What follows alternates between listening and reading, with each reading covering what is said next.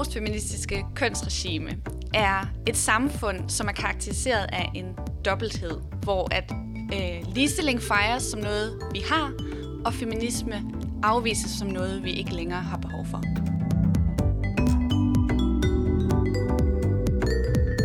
Du lytter til Operation Kvindekamp, en auditiv insisteren på, at vi bliver ved med at tale om den manglende ligestilling på universiteterne. Individualisering, paradoxer og ligestillingsarbejde er nogle af de temaer, som min gæst i dag kommer ind på. Ea Høgh Utoft er postdoc ved Dansk Center for Forskningsanalyse på Aarhus Universitet, hvor hun forsker i køn og mangfoldighed ved universiteterne. Velkommen til Operation Kvindekamp, der i dag handler om postfeminisme.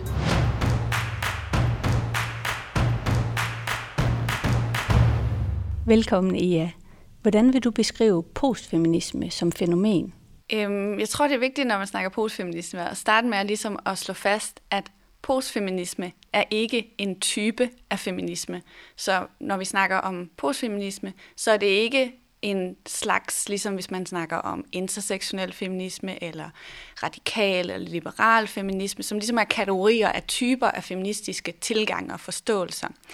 Så jeg plejer at sige, at man kan tænke på postfeminisme som en linse eller en diagnose, som vi kan kigge igennem og så se på et samfund. Og når man så ser, det, ser samfundet med den linse, så er der nogle ting, der træder i forgrunden. Og det er typisk øh, paradoxer, eller i virkeligheden ting, som ligesom bare ikke rigtig svarer overens. Så det vil sige, det helt grundlæggende ved postfeminisme, og det jeg kalder det postfeministiske øh, kønsregime, er den her forvikling af feministiske og antifeministiske opfattelser. Så i det postfeministiske kønsregime opfattes det, at ligestilling er opnået. Så man siger ligesom, jamen vi har haft feministiske bevægelser i, for, øh, i starten af 1900-tallet, der kæmpede for øh, stemmeret og så videre. Så vi har haft rødstrømmebevægelserne, øh, bevægelsen, som var jo mere sådan kønsroller og kvinders adgang til uddannelse og arbejdsmarked og sådan nogle ting. Så har, vi ligesom, så har man ligesom det som udgangspunkt for at sige, at nu har vi fået øh, sådan institutionaliseret ligestilling kraft og lovgivning, og så kan vi ligesom sige, tjek ved det. Så er det klaret, nu har vi ligestilling, så behøver vi ikke beskæftige os mere med feminist, feminisme, øh, aktivisme og, og politik. Så hvis man har den linse, øh, at ligestilling det er noget, vi har, så mister man samtidig, øh, hvad skal man sige, så reducerer det behovet for det her øh, feministiske perspektiv, og så mister man også samtidig en feministisk analyse af at forstå menneskers adfærd.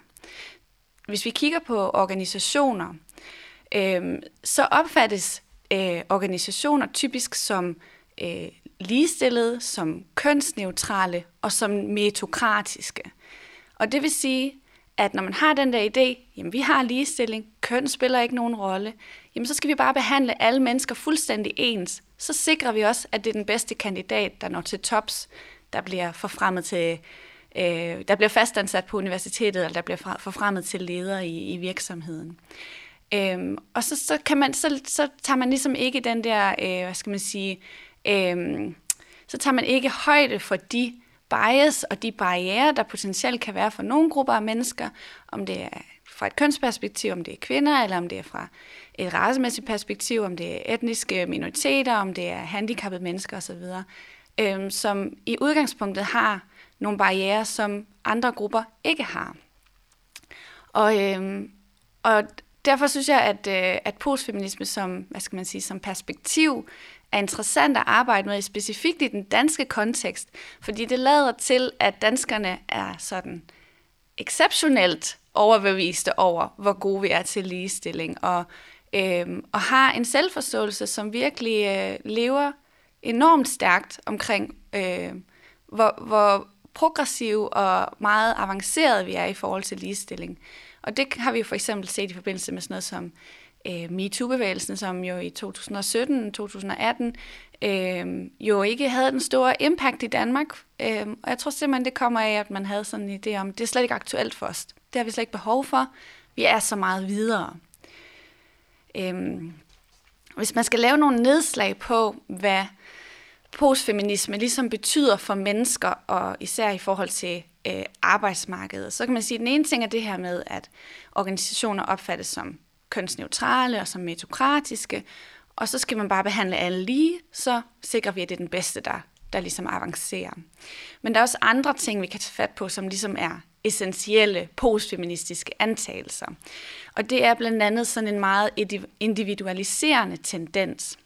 Så det vil sige, hvis vi forestiller os, at en kvinde oplever diskrimination eller sexisme eller chikane på sin arbejdsplads, så forventes det, fordi at organisationen opfattes som neutral, at kvinden er offeret for diskrimination, øh, er så empowered og frit, øh, ligestillet og, øh, ja, og så progressiv, at så kan hun bare håndtere den modstand eller den diskrimination, hun oplever i det øjeblik, det sker. Så siger hun bare fra, så er der ikke noget problem, så er det løst.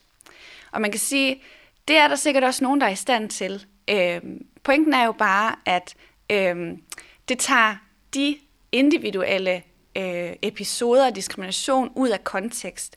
Ud af en kontekst, der hedder strukturer og kulturer, der faciliterer, at de overhovedet kan finde sted.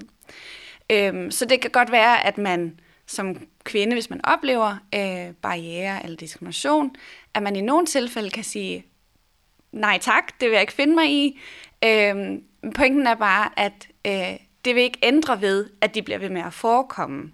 Øhm, og når vi kigger på for eksempel, hvordan, hvordan organisationen ligesom arbejder med at prøve at forbedre ligestilling, så tager man tit den linse, der hedder, øhm, vi skal bare give kvinderne nogle flere øh, hvad skal vi sige, redskaber eller øh, noget mere selvtillid for ligesom at tage de der kampe, når de opstår, øh, så løser vi ligestillingsproblemet. Så kan vi få dem til at på egen hånd og smadre det glasloft og, og komme til tops. Øhm, men hvis vi kigger i litteraturen på de her forskellige ligestillingstiltag, som vi kategoriserer som det, vi siger er fix the women, ikke? ændre på kvinderne, så skal vi nok løse det her. Øhm, så er det bare heller ikke den type af, af forandringstiltag, som har effekt. Det er, vi skal ned og, og rode rundt i materien af stru- organisationsstrukturerne og, og de kulturelle opfattelser, der eksisterer.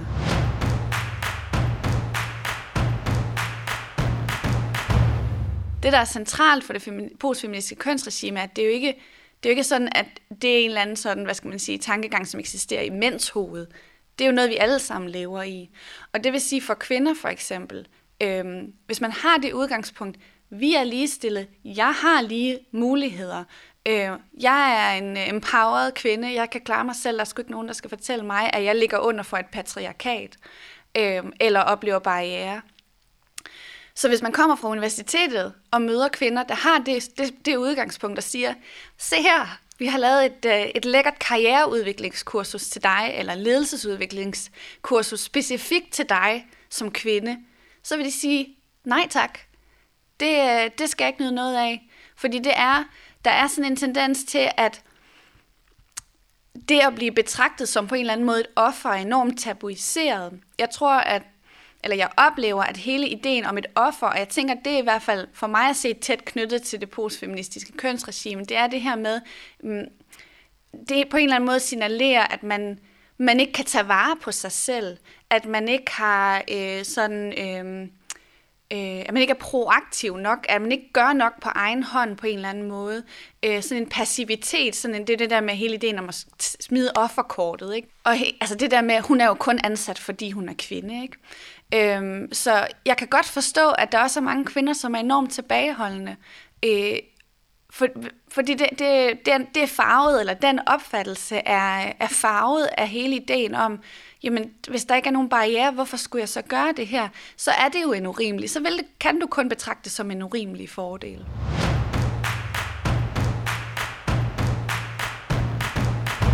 At arbejde med organisationsforandring i et ligestillingsperspektiv eller diversitetsperspektiv i en postfeministisk kontekst er ekstremt komplekst. Øhm, for det vi ser er jo, at der er tendenser, hvor at, hvad skal man sige, presset for at lave den her type forandring er, bliver eller løbende øges. Det vil sige øh, for eksempel fra EU øh, for at opnå funding i det næste Horizon Europe store fundingprogram fra, fra EU, jamen der skal man simpelthen tænke en hel masse kønsindikatorer og køns øh, dimensioner ind i sine projekter for overhovedet at være egnet til at få bevillinger. Det vil sige, at man skal måske sige, hvad er kønsfordeling på øh, advisory board, på øh, selve forskningsteamet. Man skal sige, hvordan man indtænker køn, øh, både sex- og gender-variable ind, ind i sit projekt, sådan så man rent faktisk også laver nogle analyser på baggrund af køn. Øh, så der er alle mulige ting, man skal leve op til for overhovedet at få bevillinger. Og vi ved jo, at vi kan ikke lave forskning uden bevillinger. Og den anden ting er også, at øh, fra, øh, fra en mere lokal dansk kontekst, der har vi jo også øh, fra ministeriet kommer der den her rapport, der hedder øh, Talentbarometeret ud, øh, sådan cirka et gang, en gang om året. Og jeg er ikke sikker på, at den sidste rapport, der kom ud, havde det med, men det havde 2018 i hvert fald en rangering af de danske universiteter på, hvor godt de klarer sig på policyområdet. Har de en policy for diversitet, de forskellige universiteter? Har de en handleplan? Hvor ambitiøs er den handleplan? Øhm, og det er jo også sådan en form for, hvad skal man sige, at spille universiteterne lidt ud mod hinanden, for ligesom at sige, okay, jeg har faktisk lyst til at sige, at AU ligger nederst på den liste. Ja. Øhm, og det, det, det, er jo ikke, det er jo ikke altid branding, kan man sige. Øhm, og jeg tror også, at der er, hvad skal man sige, fra øh, mere sådan øh, den aktivistiske side, øh, fordi der er lidt sådan opsving i, øh, i, i det her med feministisk tankegang, og også måske at identificere sig som feminister, at jeg tror, at kvinder bliver også mere bevidste om, øhm, og så måske at overveje, når man skal sige, okay, men skal jeg lige søge på SDU, eller skal jeg søge på Aalborg Universitet, eller hvor skal jeg hen, og lige at kigge på, Øh, hvad, hvad har de egentlig af initiativer i gang? Er det bare, hvad skal man sige, window dressing? Er det bare en policy, som står flot på hjemmesiden? Eller er der noget forandrings øh, noget konkret forandringsarbejde i gang? Så det vil sige, at det ligger det her pres på universiteterne for at lave de her tiltag, men samtidig så har du den gruppe af mennesker, som siger, vi vil ikke have, at I gør det her, fordi det er retfærdigt, vi har jo ikke noget problem. Øhm, så det der handlerum, som man har på universiteterne for egentlig at ændre på noget, er enormt snævert. Og det begrænser både, hvad kan man sige, hvor ambitiøse man kan være, og også hvilke typer af tiltag man kan i gåsøjne slippe afsted med at implementere. Fordi hvis man gør noget, der betragtes som meget radikalt, øhm, så er det på en eller anden måde for feministisk. Og i den der postfeministiske kontekst, så afviser vi jo feminisme. Det er der ikke behov for længere. Øhm, og så kan det altså godt, øh, øh, hvad skal man sige, sætte nogle, øh, nogle sind i kog på den baggrund.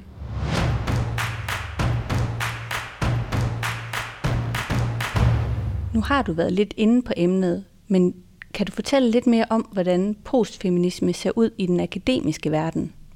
Mm, altså jeg, primært har jeg jo beskæftiget mig med, hvad skal man sige, øh, praktikersiden. Det er jo det, der egentlig har interesseret mig, at det her øh, forandringsarbejde øh, på universiteterne. Og det er det, der virkelig står, står klart for mig, det er, at øh, at, ændre på et universitet er altså virkelig en, øh, en svær, øh, det er en elefant at flytte på. Altså det er virkelig, virkelig tungt arbejde.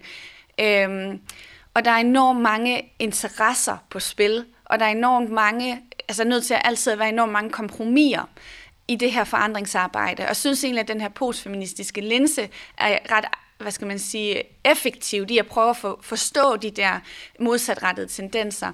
Øhm, jeg kan gengive, at jeg snakkede med en, en, en ligestillingsmedarbejder på øh, Københavns Universitet, og hun sagde noget i stil med, at det føltes lidt som om, at hun var blevet ansat til at bygge et hus af universitetet. Men da hun så kom i gang, så var det egentlig i virkeligheden lidt mere et skur, hun skulle bygge. Og hun skulle bygge det ud i en sump, og hun fik kun et reb og en hammer. Og når der så ikke var et skur at vise frem, når at, øh, der var en deadline, så fik hun... Øh, så, så var det selvfølgelig heller ikke godt nok. Så man kan sige, jeg synes, det var et super sigende billede på det arbejde, de står med. Jeg tror, og jeg er helt sikker på faktisk, at de, mange, de mennesker, langt de fleste af de mennesker, der skal lave det her arbejde, forandringsarbejde, er enormt passionerede. De har en helt oprigtig, øh, et helt oprigtigt ønske om at skabe noget forandring, fordi de ser øh, hvad skal man sige, den her kønsskævhed, som jo stadigvæk er ekstremt udtalt, øh, som et stort problem. Af forskellige årsager. Altså, man kan jo kigge på det fra sådan det, vi kalder social justice perspektivet. Det er simpelthen uretfærdigt. Vi skal have det demokratiske demokratisk øh, problem, at, øh, at alle ikke kommer til ord. Det er også et, der er også mange, der argumenterer for, at det er et videnskabeligt problem. Fordi der er en tendens til, at kvinder og mænd går til spørgsmål på forskellige måder. Og man kan sige, at man så tager den ene eller den anden øh, hvad skal man sige, argument for det arbejde, man gør, de, de vil enormt gerne, men de er også enormt frustrerede. Øh, det er, man skal, jeg tror, man skal være... Øh, jeg tror, man skal være lidt et særligt type mennesker for at kunne være i det der, at, øh, at hver gang man måske kommer med et forslag, så er der nogen, der siger, nej, det er for voldsomt. Du er nødt til lige at tone den der feminisme en lille smule ned. Øhm, så man skal nok være, man skal nok være sådan en pragmatiker på en eller anden måde. Øhm, spørgsmålet er så bare med en pragmatisk tilgang, hvor meget vi kan flytte ved, øhm, hvis vi ikke går ind og bare ryster posen fuldstændig. Ikke også? Altså, øhm, men ikke desto mindre, så lige, næsten ligegyldigt, hvad vi gør, så er det her jo, altså forandringsarbejde jo på universiteter, et langt sejt træk. Altså vi kan ikke, der er ikke nogen quick fixes, øhm, også selvom der er nok er nogen, der vil sige, at det var, altså, det var på høje tid, at der virkelig skete noget øh, radikal forandring. Ikke? Men, øhm, men der, pointen er bare, at hvis man går den vej, så sætter det en, altså en stor gruppe af, af, af de ansattes øh, PCK, for at være helt ærlig. Øhm, og så kommer man bare heller ikke videre. Du har lyttet til Operation Kvindekamp, en podcast om ligestilling i den akademiske verden. Tilrettelæggelse og produktion af Camille Schmidt Rasmussen og Signe Fogel. Teknik Ole Lauritsen. Musik Danny Doi og John Yasutis. Og dagens gæst var Ea Høgh Utoft.